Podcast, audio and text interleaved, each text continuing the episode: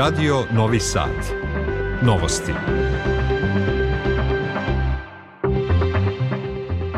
Dobar dan, poštovani slušalci, ja sam Aleksandar Grujić. Ja sam Nikola Rausavljević. I sadržaj emisije. Spasilačke ekipe u Grčkoj tragaju za preživelim i žrtvama najveće nesreće u istoriji grčke železnice, talas, strajkova i ostavki zbog propusta u rukovodđenju železničkim sistemom. Evropski predlog o normalizaciji odnosa o kojem su razgovarali Vučić i Kurti nije tekst koji treba da bude potpisan, potvrđen u Briselu.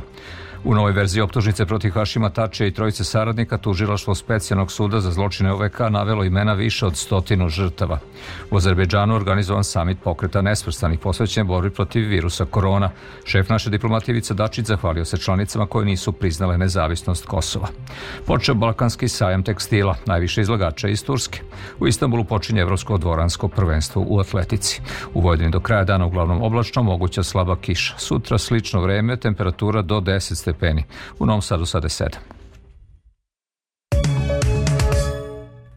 Spasovaci nastavljaju potragu za preživelima u najsmrtonosnijoj železničkoj nesreći u Grčkoj uz gnječenim i smrskanim ostacima vagona koji su iskočili iz šina, zatim se zapalili u katastrofi u kojoj je poginulo najmanje 46 ljudi.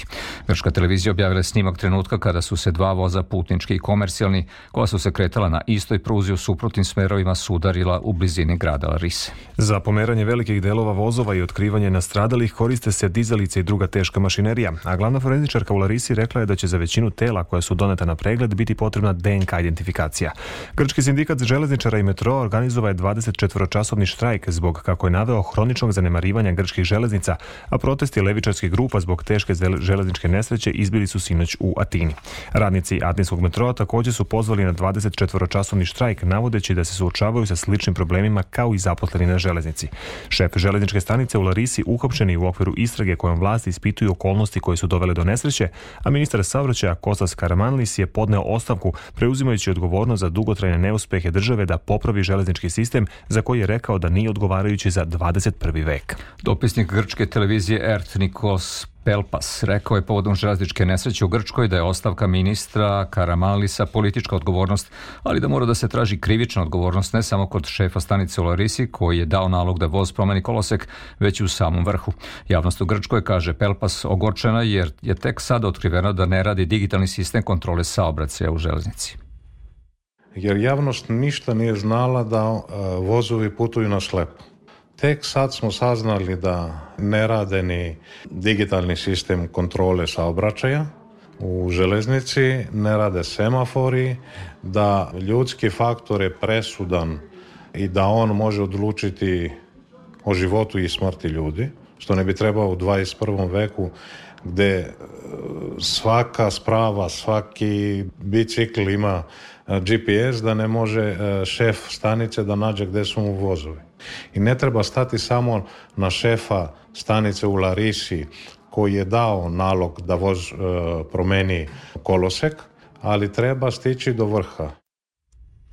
Građanima Sirije u najugroženijim područjima te zemlje pogođene razornim zemljotresom avionom Air Srbije otpremljeno je 6 tona nametnica.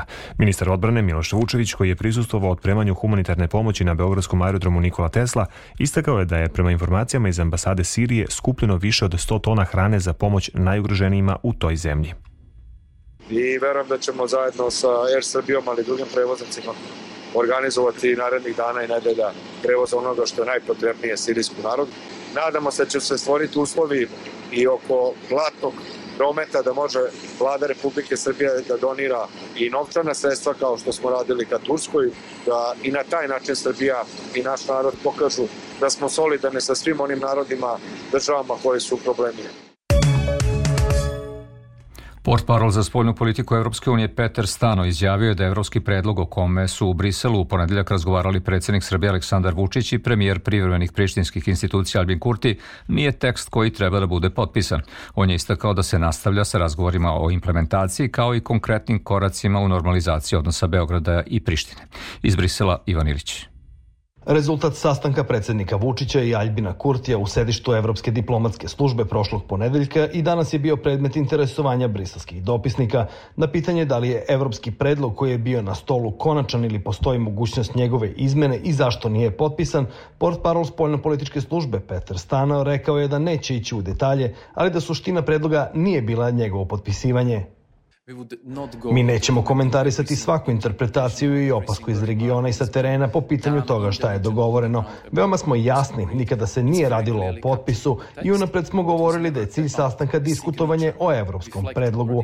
Obe strane su se usaglasile da nije potrebna dalja diskusija, te evropski predlog spostao sporazum o putu ka normalizaciji odnosa između Kosova i Srbije. Ono što je takođe usaglašeno je da će se nastaviti sa radom, odnosno sa diskusijom o implementaciji i konkretnim koracima na putu ka normalizaciji odnosa. Nova prilika za razgovore o tim konkretnim koracima, odnosno novi sastanak na najvišem političkom nivou sa evropskim posrednicima, zakazan je za 18. mart u Severnoj Makedoniji.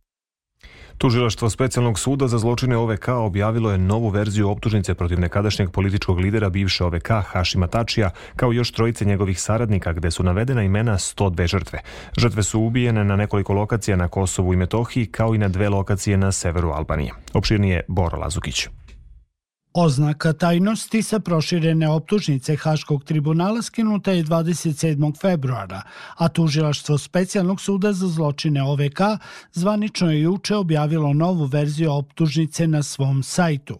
Imena 102 žrtve bivše oslobodilačke vojske Kosova navedena su u dopunjenoj optužnici protiv Hašima Tačija, Ređepa Seljimija, Kadrija Veselija i Jakupa Kresnićija, koji se u pritvoru u Hagu nalaze od kraja 2020 2020. godine. Početak suđenja komadantima OVK prvobitno zakazano za 1. mart počeće 3. aprila. U dopunjenoj optužnici navedena su imena ubijenih ili osoba čija tela nikada nisu pronađena na nekoliko lokacija na Kosovu i dva mesta na severu Albanije. Zločini koji se navode u novom dokumentu dogodili su se između marta 1998. i septembra 1999. godine. Žrtve su i srpske i albanske nacionalnosti, a lokacije koje se navode u ovoj optužnici su većinom na Kosovu i Metohiji, poput Jame Jame Volujak kod Kline i Klečka, ali i u lokalnoj fabrici u mestu Kuksu na severu Albanije, kao i drugim lokacijama. Za te inkriminacije navodno postoji obezbeđeno 300 svedoka. U Baku je organizovan samit kontakt grupe pokreta nesvrstanih na kome učestvuje šef srpske diplomatije Ivica Dačić. On je zahvalio mnogim članicama tog pokreta koje stoje uz Srbiju ne priznajući jednostranu proglašenu nezavisnost Kosova. Skup posvećen borbi protiv virusa korona otvorio je predsjednik Azerbejdžana Ilham Alijev koji je pozvao prisutne da minutom ćutanja odaju poštu stradalima u zemljotresu u Turskoj i Siriji. Opširnije Slobodan Vidović. Prema Dačićevoj oceni, samit je bio i prilika da pozove države da podrže Srbiju koja je kandidat za organizaciju međunarodne specijalizovane izložbe Expo 2027. Tokom samita imao je niz bilateralnih susreta, ukazujući da je u Baku bilo prisutno 46 zemalja koje ne priznaju nezavisnost Kosova i da im je u govoru na početku skupa zahvalio što podržavaju Srbiju u očuvanju teritorijalnog integriteta. Prisustvo je jedno selektivno tumačenje tog principa teritorijalnog integriteta, odnosno kad je reč o nekim drugim zemljama, onda ga priznaju, a kad je reč o Srbiji, onda smatraju da to nije toliko bitno pitanje i priznaju nezavisnost Kosova. Kao druga najveća međunarodna institucija posle Ujedinjenih nacija, pokret nesvrstanih zemalja trebalo bi da igra vidljiviju i efikasniju ulogu u međunarodnoj areni i aktivno učestvuje u preoblikovanju novog svetskog poredka, rekao je na početku samita domaćin skupa predsjednik Azerbejdžana Ilham Alijev. Na samitu kontakt grupe pročitana je i poruka generalnog sekretara Ujedinjenih nacija Antonija Gutereša, koji je ocenio da se u 21. veku povećava značaj pokreta nesvrstanih zemalja u smislu multilateralizma. Direktor Svetske zdravstvene organizacije rekao je u video poruci da se pandemija završava i da sada svaka zemlja treba da učini ono što je neophodno kako bi se pripremila za eventualne buduće pandemije i oporavila od posledica COVID-19. Tekstilna industrija može i mora da bude motor razvoja Srbije, poručuje ministar unutrašnje spoljne trgovine Tomislav Momirović, koji je sa turskim ambasadorom u Beogradu Hamijem Aksoem otvorio Balkanski sajam tekstila. U naredna tri dana, odnosno do subote na Beogradskom sajmu, predstavljaju se 53 kompanije iz Turske, Kine, Portugalije i Srbije, pripremila Vesna Balta. Na početku obraćanja ministar Momirović izrazio je saučešće porodicama nastradalih u razornom zemljotresu i poručio da Srbija ostaje zajedno uz Tursku. Otvarajući sajam, Momirović je kazao da je Srbija danas najatraktivnija zemlja za investiranje na Zapadnom Balkanu, navodeći da je srpska privreda prošlu godinu završila sa rekordnom spoljnotrgovinskom razmenom, većom od 66 milijardi evra, kao i da i dalje beleži rast. Želimo da vidimo nove kompanije u Srbiji, a među njima i one u tekstilnoj industriji, poručuje Momirović. U Srbiji posluju 23 turske kompanije, a tekstilna industrija je prema rečima turskog ambasadora Hamija Aksoja njihovo primarno zanimanje. Poslovna manifestacija Balkanski sajam tekstila koji je organizovao sajam iz Turske okuplja do subote proizvođače tekstila, uvoznike i trgovce, a pored najboljih tkanina izlagači će na sajmu prikazati i najbolje mašine i opremu iz tekstilnog sektora. Predsednik pokrajinske vlade Igor Mirović posetio je Zrenjanin gde je obišao radove na rekonstrukciji gradskog stadiona koji se finansiraju iz pokrajinskog budžeta. O tome Jelena Milićević. Vlada Vojvodine izdvaja značajna sredstva za sportsku infrastrukturu na nivou pokrajine. Predsednik vlade Vojvodine Igor Mirović posetio je Zrenjanin gde su u toku radovi na drugoj fazi rekonstrukcije gradskog stadiona, što podrazumeva kapacitet na 8000 mesta kao i modernizaciju staza i terena. Verujem da ćemo moći da se ponosimo sa e, stadionom i sa pre svega sportistima koji će ovde u narednom periodu kao što su to činili i minulih decenija neki od najpoznatijih sportista u našoj zemlji su ponikli u Zrenjaninu, da ćemo moći da kažemo da smo stvorili neophodne uslove za razvoj takvih i za uspehe takvih asova u budućnosti. Zrenjanin je grad koji se ubrzano razvija, njegovi privredni potencijali jačaju. Gradski stadion izgrađen je pre sedam decenija i za drugu fazu rekonstrukcije obezbeđeno je 250 miliona dinara iz pokrajinskog budžeta. Tvrdi Simo Salapura, gradonačelnik Zrenjanina. Zakružujemo jedan kompleks, sportski kompleks, jedinstveni sportski kompleks u ovom regionu, dakle gde imamo modern stadion sa modernim terenima sa atletskim, atletskim stadionom koji zadovoljava sve međunarodne standarde, sa dve hale sportova, dakle gde možemo da upotpunimo i organizaciju pripremnih takmičenja, organizaciju velikih sportskih manifestacija. Treća faza rekonstrukcije gradskog stadiona predstoji u narednom periodu, za šta je grad Zrenjanin pripremio projekat, a ova faza obuhvata energetske blokove i tehničko opremanje. Pokrajinska vlada donela rešenje da opštoj bolnici u Kikindi bude usmereno 11 miliona dinara za nabavku nameštaja i opreme za ambulante, čekaonice, lekarske i sestrinske sobe.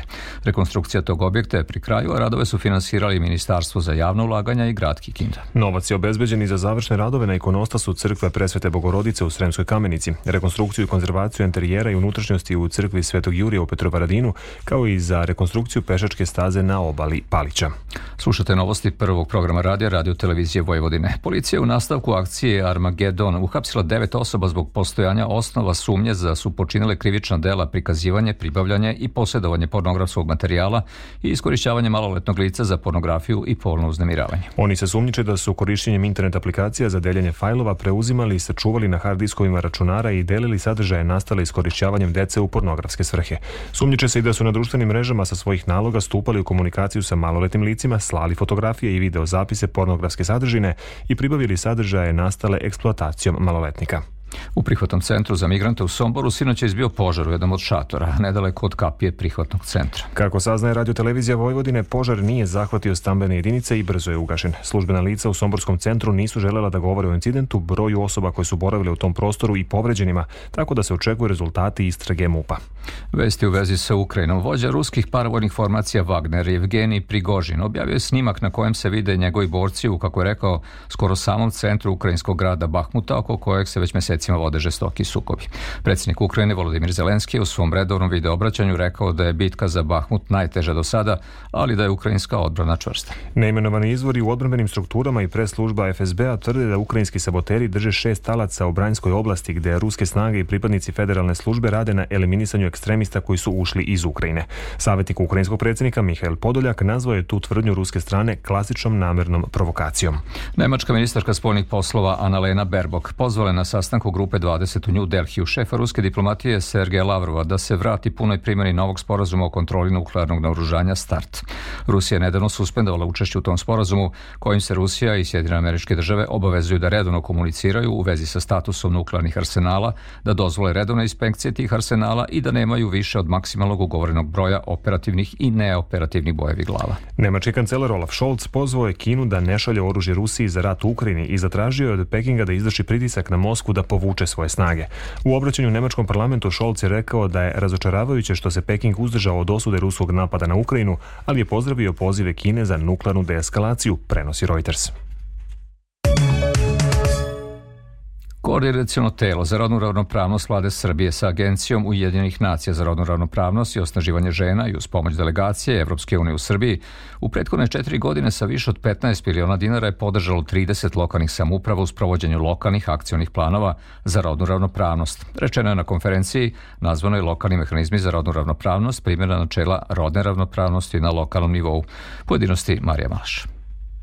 Samo u prošloj godini kroz projekat Ključni koraci ka rodnoj ravnopravnosti 10 opština je dobilo bespovratnu pomoć od 4 miliona 800 hiljada dinara, rekla je predsednica koordinacionog tela za rodnu ravnopravnost i ministarka kulture Maja Gojković. Kroz podršku za 30 lokalnih samouprava doprineli smo da 2500 žena bude obučeno u oblasti preduzetništva, zatim da nauče kako da razvijaju poslovni plan, kako da unovče svoje znanje i plasiraju proizvode, kako da povećaju proizvodnju i ono što je izuzetno važno, zaposle i druge žene. Opšti cilj strategije je prevazilaženje rodnog jaza i ostvarivanje rodne ravnopravnosti što je uslov za razvoj društva i poboljšanje života, kaže ministar za ljudska i manjinska prava i društveni dijalog Tomislav Žigmanov. Istakao bih da su tokom protekle decenije stvoreni brojni mehanizmi za rodnu ravnopravnost na lokalnom nivou i da je prema podacima stalne konferencije gradova i opština u Republici Srbiji oko 50 gradova i opština sproveo ili učestvovao učestvovalo u nekom od projekata iz oblasti rodne ravnopravnosti. Pitanje rodne ravnopravnosti se često spominje i zloupotrebljava, ocenjuje ministarka za brigu o porodici i demografski razvoj Darija Kisić.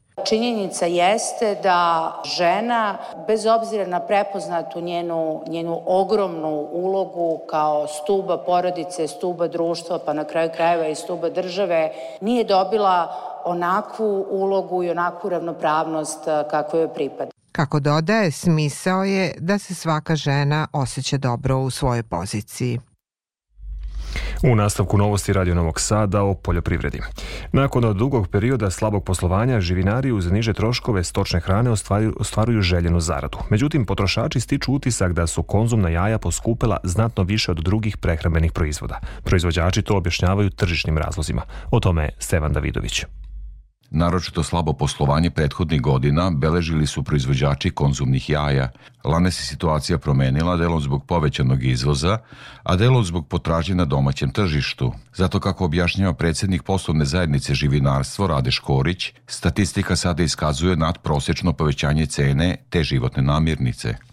Ovih dana se jako puno publikuje priča kako je jaje proizvod koji je najviše poskupio po statistici u, u, u, sa mlekom i mlečnim proizvodima, a odgovor je zato je razlog što je prethodne dve godine cena jajeta bila u velikoj depresiji. Zaostajalo se jako puno sa cenom, znači zbog viška koji se pojavio, smanjene mogućnosti prodaje zbog korone i raznih sankcija koje je korona donela i onda je cena jajeta ostala u depresiji, sad kad je ona došla neku normalnu cenu koštanja, procenat je zaista ovaj, nešto veći nego što, što je, što je običajeno. Na pitanje da li se očekuje rast cene živinskog mesa, naš sagovornik kaže da je porasla cena žive vage, ali da se čeka reakcija tržišta u vreme smanjene konzumacije mesa. Do pre mesec dana cena žive vage je bila 130-135 dinara. Danas je to već 165-170 dinara. Znači došlo je do ajde kažem, povećanje konzumacije živinskog mesa sa razloga što taj, ajde kažem, zimski meni je pomalo izmiče, one zalihe iz podruma, iz pajza i šta ja znam i počne malo veća potrošnja i tog momenta odmah i cena evo 30-40 dinara cena žive vage veća. Proizvođači sad čekaju šta će doneti post. Sad se već jedan broj ljudi plaši da li će taj post, odnosno da li će reagovati potrošnja mesa u vreme početka posta i trajanja posta. To sad ostaje da vreme pokaže da vidimo narednih dana šta će se dešavati. Uz bolje poslovanje na domaćem tržištu, živinari očekuju da nadležni iznađu i dodatne puteve za izvoz. Uz to do kraja godine naši proizvođači treba da zamene stare kaveze kako bi se uskladili sa evropskim standardima. Međutim, kako zaključuje Rade Škorić, u svetu raste potražnja za konzumnim jajima i slobodnog sistema proizvodnje, pa naši farmeri treba da se odluče u šta će investirati. I o sportu. U Istanbulu počinje Evropsko dvoransko prvenstvo u atletici koje će trajati do 5. marta. Naša selekcija ima 12 predstavnika, a prva će na borilište mlada Angelina Topić u kvalifikacijama u skoku u vis. U 26. kolu košarkaške Evrolige Crvena zvezda i Partizan igraju protiv nemačkih klubova. Crvena zvezda gostuje Bayernu u 19 časova, dok Partizan u 21 čas u Štark areni dočekuje berlinsku Albu. U četvrtfinalu turnira u Dubaju Novak Đoković igra protiv 11. tenisera na svetu Poljaka Huberta Hurkača. Meč neće početi pre 16 časova po našem vremenu.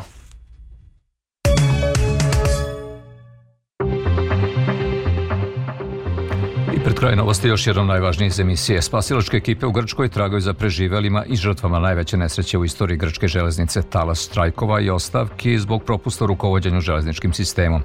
Evropski predlog o normalizaciji odnosa o kojem su razgovarali Vučić i Kurti nije tekst koji treba da bude potpisan, potvrđen u Briselu. U novoj verziji optužnice protiv Hašima Tačija i trojice saradnika tužila što specijalnog suda za zločine OVK navelo imena više od stotinu žrtava. U Azerbejdžanu organizovan samit pokreta nesvrstanih posvećen borbi protiv virusa virusa korona. Šef naše diplomatije Ivica Dačić zahvalio se članicama koje nisu priznale nezavisnost Kosova. Počeo Balkanski sajam tekstila najviše izlagača iz Turske. I u vremenu premerljem u 15 časova temperatura u Novom Sadu je 7 stepeni, vlažnost vazduha 87 procenata, pritisak 1009 milibara, a vetar jugoistočni do 6 metara u sekundi. U do kraja dana uglavnom oblačno uz moguću slabu kišu. Da čujemo kako nas vreme očekuje. U Vojvodini u petak pretežno oblačno, mestimično sa slabom kišom. Vetar slab, promenljiv, jutarna temperatura od 4 do 6 stepeni, a najviša dnevna od 8 do 10 stepeni. U Vojvodini u subotu umereno oblačno, u nedelju promenljivo oblačno i malo hladnije uz pojačanje severozapadnog vetra koji će povremeno biti i jak. U podeljak će na oblačenje u popodnim satima usloviti kišu i lokalne pljuskove. Za Radio Novi Sad, Miodrag Stojanović, Slušali ste novosti prvog programa radija javne medijske ustanove Vojvodine. Sve informacije pronađite na našoj internet stranici na adresi rtv.rs gde novosti možete da čujete i odloženo. Pratite nas i na društvenim mrežama. Producent Branislava Stefanović, tonska realizacija Ivana Bogišić, Aleksandar Grujić i Nikola Rausavljević žele vam prijatan ostatak dana. Ostanite uz Radio Novi Sad. U 15 časova i 30 minuta je Radio Sport, a nakon vesti u 16 časova emisija o ličnostima koje su obeležile svoju epohu u dobrom društvu koju priprema Goran Vukčević.